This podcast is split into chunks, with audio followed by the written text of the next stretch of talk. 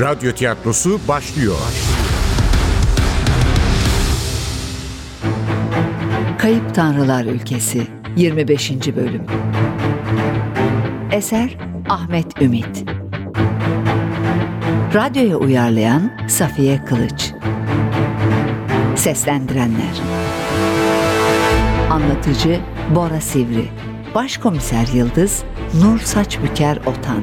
Markus Aziz Güngör Yaman Faruk Akgören Deniz Ömer Faruk Çalışkan Zeus Selçuk Kıpçak Efektör Cengiz Saral Ses Teknisyeni Murat Çolak Yönetmen Aziz Acar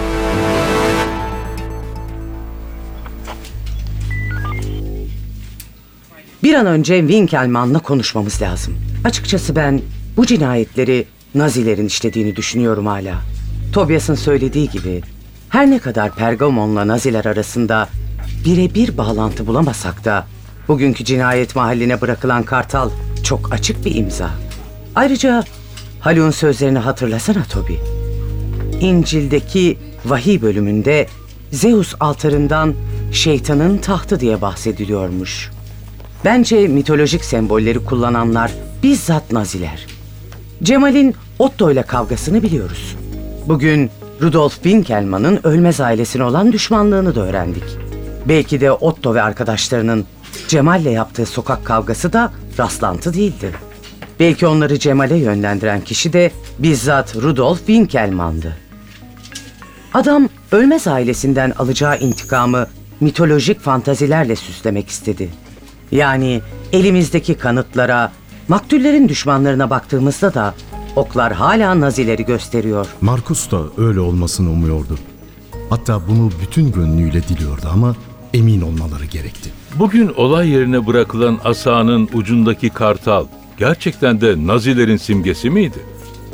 Katil Zeus'un simgesi olarak koymasın. Karşımızdaki katil ya da katiller iki cinayet işlediler. İkisinde de titiz çalıştılar. Cinayet işleyiş biçimleri, seçtikleri semboller son derece bilinçli olarak tespit edilmişti. Adamlar kendilerinin gayet net olarak anlaşılmasını istiyorlar. Albert Schipper diye biri var. Nazilerin ulusal mimarı. Önemli görevlerde bulunmuş biri. Evet, duymuştum Albert Spier'i. Hitler'in çok güvendiği biriymiş, değil mi? En yakınlarından biriymiş.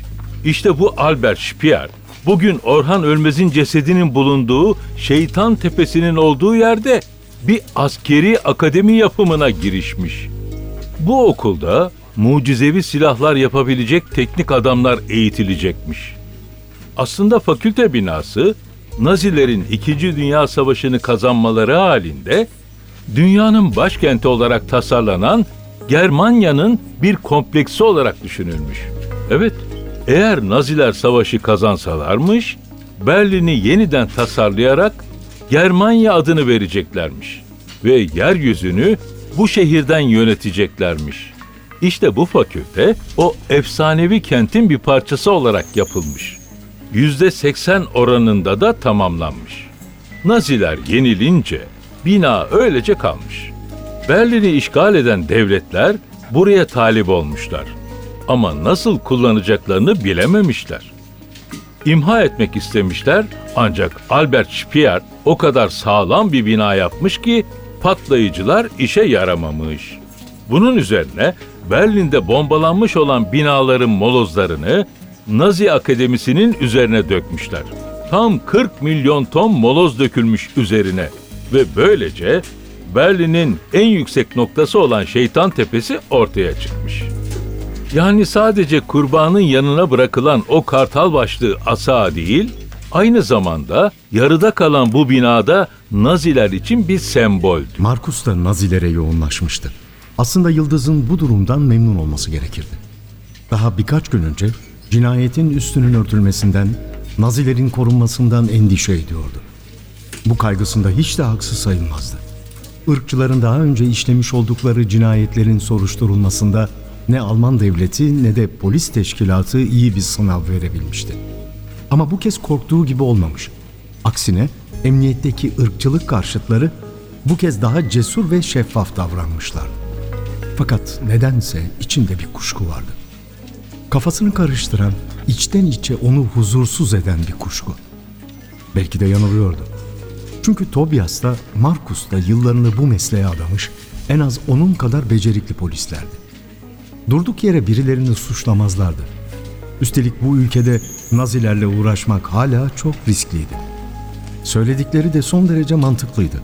Ama içinde gitgide büyüyen, kendisinin de tam olarak çözemediği bu kuşku aklını karıştırıyor, ne düşüneceğini bilemiyordu. Yeterli kanıtlara ulaşmadan da bu kafa karışıklığından asla kurtulamayacaktı. Fakat yaşadığı bu akıl tutulmasını meslektaşlarıyla paylaşmayı hiç düşünmüyordu. Morali kolayca bozulabilen Markus'u tedirgin etmenin manası yoktu. Haklısın Markus. Öncelikle Nazilere yoğunlaşmak lazım. Yarın ilk iş şu Rudolf'la konuşalım. Evet arkadaşlar. Evet, gidip şu adamla konuşun.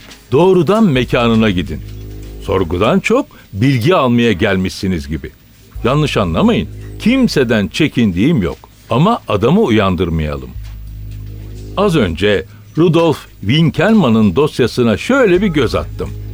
Geçmişi gerçekten karanlık. Fakat son 5 yıldır trafik cezası bile almamış. Berlin'in doğusunda büyük bir spor kompleksi kurmuş.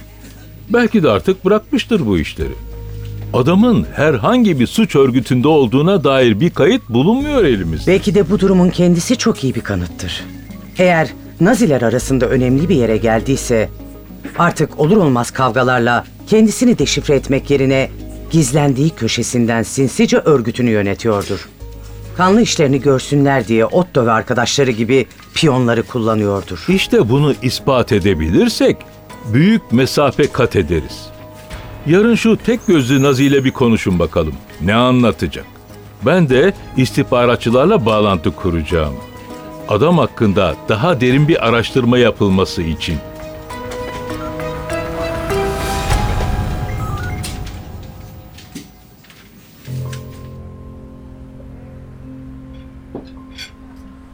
Sadece patates yiyorsun Denizciğim. Kuşkonmazdan da ye. Bak sosuna batırınca çok lezzetli oluyor. Masayı balkona kurmuştu Yaman. Kızı için kuşkonmaz pişirmişti. Karısı ölmeden önce de yemek yapardı. Hem de çok lezzetli yapardı. Hapishanede kıdemli mahkum bir kabadayıdan öğrenmişti. Pastırmalı kuru fasulyesi efsaneydi. Parmaklarınızı yerdiniz. Elbette akşam için yapılırdı bu leziz yemekler. Oysa Almanya'da akşam yemekleri çoğunlukla ekmeğin üzerine biraz tereyağı sürülüp biraz peynir ya da salam eklenerek yapılan Abendbrot denen atıştırmalıkla geçiştirilirdi. Ama Türkiye'den gelen bu küçük aile hiçbir zaman Abendbrot'la yetinmemişti.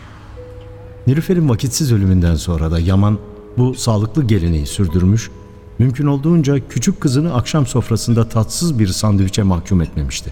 Tabi Yıldız büyüyüp akşam yemeklerine gelmeyinceye kadar. Ama onun için de babasının yaptığı yemekler vazgeçilmezdi. Özellikle de zamanı gelip beyaz kuşkonmazlar pazara çıkınca. Bayılırdı Yıldız bu sebzeye. Gel gör ki Deniz hiç hoşlanmıyordu kuşkonmazdan. Neden köfte yapmıyorsun dede? Senin köftelerin daha güzel oluyor. Hakikaten politikacı olacak bu oğlan.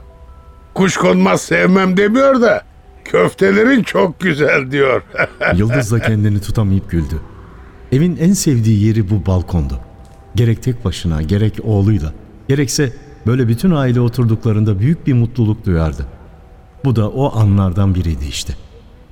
Hafif bir rüzgar çıkmıştı. Hoş bir esinti içinde yüzüyordu ağaçlar.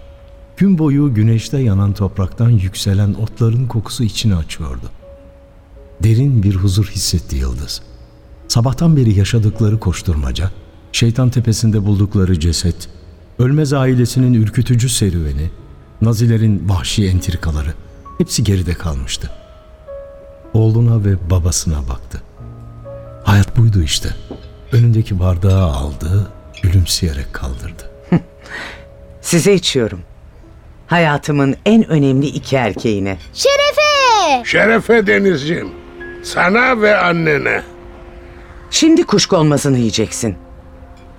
Bak biri olduğu gibi tabağında duruyor. Ama ben doydum. Anneciğim bunu yemesem olur mu? O zaman şöyle yapalım.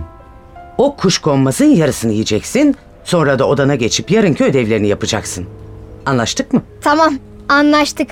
Ama dersin bitince de dedem bir masal anlatacak. Türk masalı. Elbette anlatacağım. Hem de padişahlı vezirli. Develer de olsun ama. Tamam. Hem de 40 develi bir kervan olacak. İstediklerini elde eden Deniz, annesinin fikir değiştirmesinden korktuğu için kuşkonmazın yarısını aceleyle yedi. Ardından iskemlesinden atlayıp koşar adım gitti odasına. İkisi de arkasından baktılar. Biraz disiplini olması lazım. Şu aralar iyice boşladı derslerini. Bıktırmamak lazım. Yoksa iyice soğur okuldan. Yok, bıkmaz.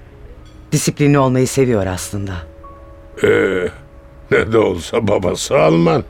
Valla annesini babasını tanımasam Franz'ın Alman olduğundan bile şüphe duyarım. Hayatımda tanıdığım en rahat adam. Hiç şikayet etme. Sen seçtin. Öyle. Ben seçtim. Sonra da ben gönderdim. Huzura ve özgürlüğe. Senin mutluluğuna kızım. Senin ve Deniz'in mutluluğuna. Hayata evladım. Seni ve Deniz'i bana veren hayata. Yaşlanıyordu babası. Bu yıl fark etmişti Yıldız. Hızla yaşlanıyordu. Ama şimdi bunu düşünmek istemiyordu. Bu gece olmazdı. Bu kaygıyı zihninden kovmak istercesine sordu. Nasıl geçti günün baba? Senin için araştırma yaptım. Bütün gün şehir kütüphanesindeydim. Kütüphane gerçekten müthiş. Ama daha önemlisi, dün konuştuğumuz konuyla ilgili önemli bir bilgiye ulaştım. Pergamon sunağından bahsediyorum. Anıtın Nazilerle bağlantısından.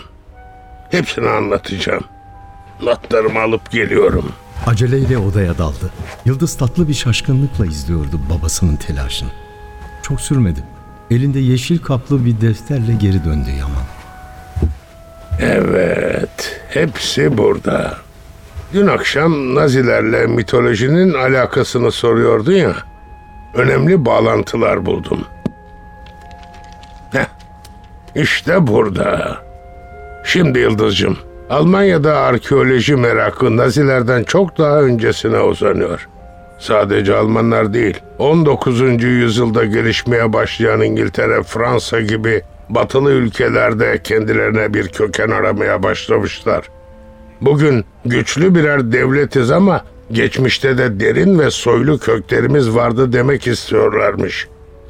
Önce Büyük İskender'e sahip çıkmışlar. Helenistik kültüre. Elbette ardından Roma İmparatorluğu'na. Birbirinin devamı olan bu iki büyük kültürü kendi uygarlıklarına zemin yapmak istemişler. Bu yüzden İtalya'da, Yunanistan'da, Anadolu'da, Mezopotamya'da ve Kuzey Afrika'da kazılara başlamışlar. Çünkü söz konusu bölgeye hakim olan Akdeniz kültürü her dönem uygarlığın temeli olmuş. Felsefesiyle, siyasetiyle, sanatıyla günümüz dünyasını şekillendirmiş. O yüzden Almanlar daha 1829'da Roma'da bir arkeoloji enstitüsü kurmuşlar. 1859'da çalışmalarını genişleterek Prusya Devlet Enstitüsü'nü oluşturmuşlar. Bu önemli kurum 1871 yılından itibaren Alman İmparatorluk Arkeoloji Enstitüsü'ne dönüşmüş ve 1874'ten beri de Berlin'de Alman Arkeoloji Enstitüsü olarak faaliyetlerini sürdürmüş. Önceleri babasının tam olarak ne anlatmak istediğini kestiremeyen Yıldız, son cümleyle birlikte canlanmıştı. Evet bugün oradaydık. Demek tarihi o kadar eskilere dayanıyormuş ha? Evet ama sadece Berlin'de değil. İstanbul, Atina, Kahire, Frankfurt ve Madrid'de de şubeleri var bu enstitünün. Yani Avrupalılar arkeolojinin önemini çok önceden keşfetmişler. İngilizler British Museum'u 1759'da açmışlar. Fransızların Louvre Müzesi ise 34 yıl sonra 1793'te hizmete girmiş. Bize gelince Fransızlardan neredeyse 100 yıl sonra 1891 yılında İstanbul Arkeoloji Müzesi'ni kurmuşuz. Tamam daha fazla uzatmayacağım. Zeus altarına geliyorum. Bizim Pergamon'daki kazılar 9 Eylül 1878'de başlamış. Biliyorum. Kazı ekibinin başında da Karl Humann diye bir Alman varmış. Sana bilim insanı olmalısın derken boş konuşmuyorum demek ki. Bak hemen aklına kazımışsın bilgiyi. Evet, Karl Humann'ın girişimiyle başlamış her şey. Alman Arkeoloji Enstitüsü ile bağlantıyı da Humann kurmuş. Ama Zeus altarının gerçek bir hazine olduğunu fark eden elbette Alman Arkeoloji Enstitüsü. Bizim Osmanlı ayakta uyurken adamlar antik dünyanın 8. harikası olan Zeus altarından haberdarmış. Çünkü birçok antik metinde Zeus altarının görkeminden bahsediliyormuş. Huma'nın bulduğu eserlerin Zeus altarına ait frizler olduğunu anlar anlamaz kolları sıvamışlar. O kadar hızlı hareket etmişler ki bir yıl sonra eee, e- evet tam bir yıl sonra yani 1879'un Eylül ayında Zeus altarından 200 parçanın taşınmasını tamamlamışlar. 28 Kasım 1879'da ise eserlerin bazıları Berlin'de tarihçilere, arkeologlara, sanatçılara ve basına gösterilmiş. Bugünkü Pergamon Müzesi'nde mi? Hayır, müze falan yok henüz. Pergamon Müzesi'nin yapımına 1910'da başlanmış. Alman Arkeoloji Enstitüsü'nün yetkilileri yıllarca dayanacak, daha da önemlisi Zeus altarının görkemine uygun bir müze yapımına girişmişler. Biraz uzun sürmüş. Çünkü araya Birinci Dünya Savaşı girmiş. Ardından o ağır yenilgi. Neyse, sonunda bugünkü müze binası 1930 yılında tamamlanmış ve halka açılmış. 1930 yılı çok önemli.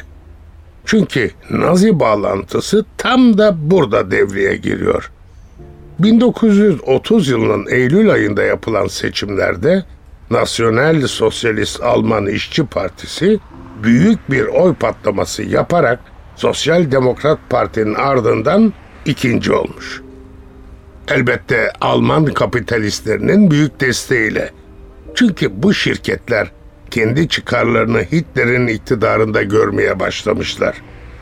Ama Naziler henüz iktidarda değil tabii. İyi de babacığım.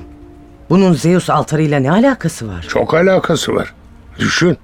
1930'da müze açılıyor.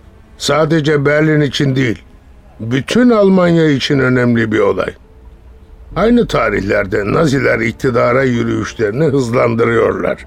Zaten 3 yıl sonra da iktidar oluyorlar. Megaloman bir lider olan Hitler, mega projelerini hayata geçirmek istiyor. Ve Nazilerin ulusal mimarı Albert Schipper'i çağırıyor. Germanya'dan mı bahsediyorsun?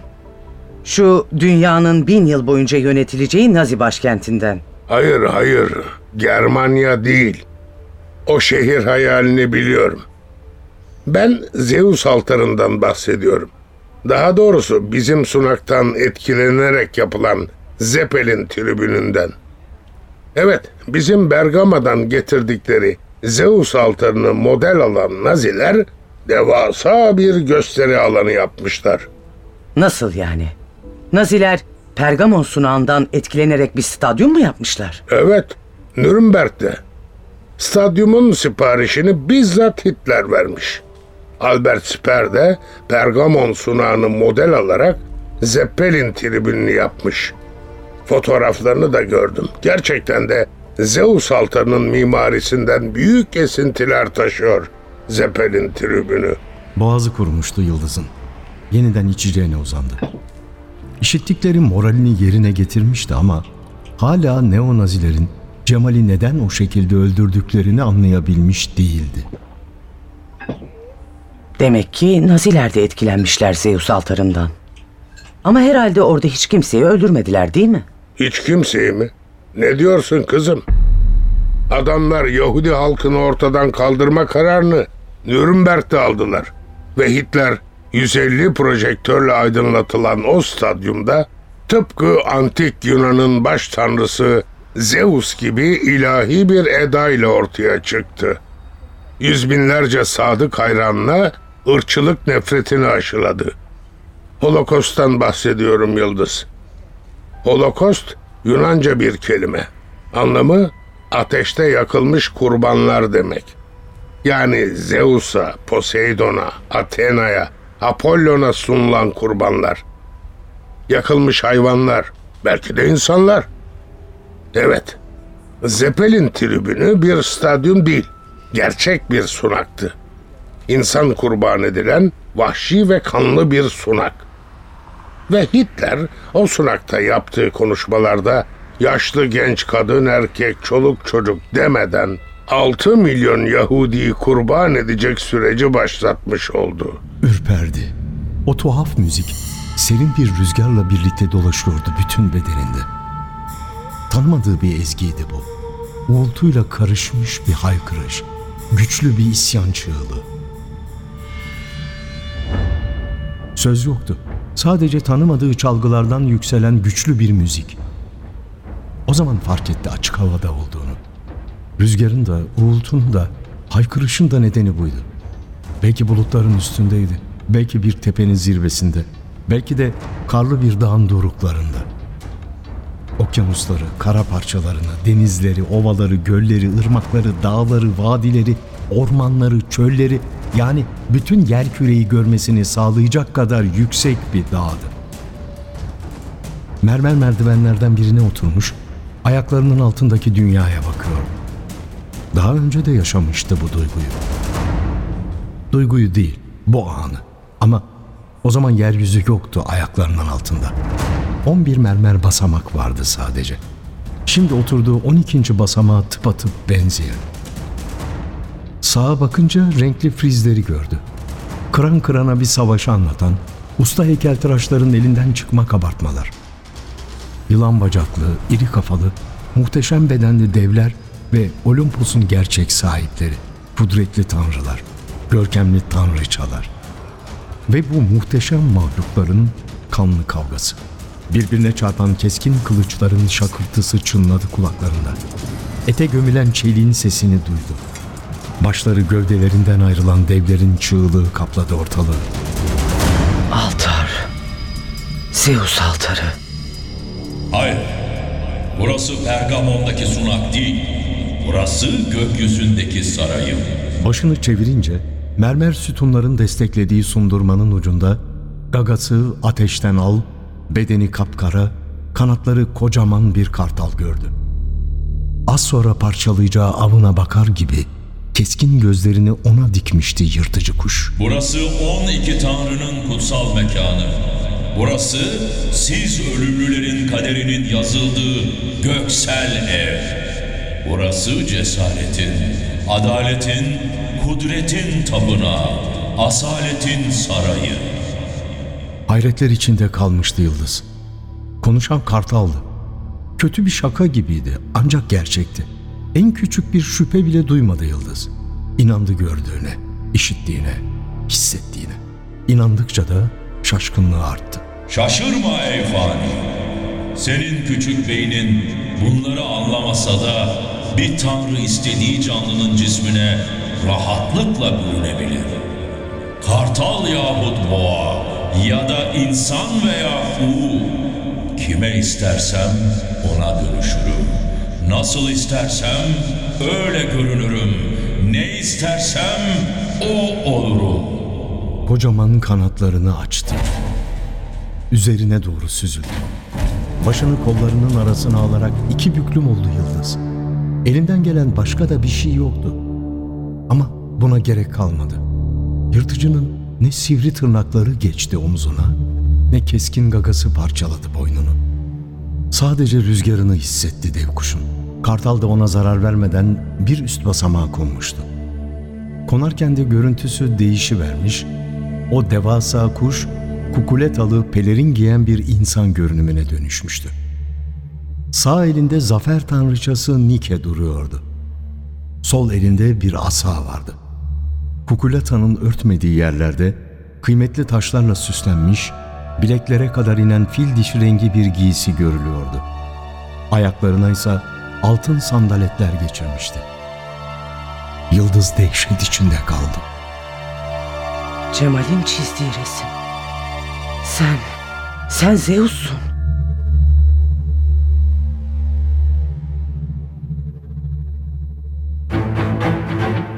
Kayıp Tanrılar Ülkesi. Eser Ahmet Ümit. Radyoya uyarlayan Safiye Kılıç. Seslendirenler. Anlatıcı Bora Sivri Başkomiser Yıldız Nur Saçbüker Otan Markus Aziz Güngör Yaman Faruk Akgören Deniz Ömer Faruk Çalışkan Zeus Selçuk Kıpçak Efektör Cengiz Saral Ses Teknisyeni Murat Çolak Yönetmen Aziz Acar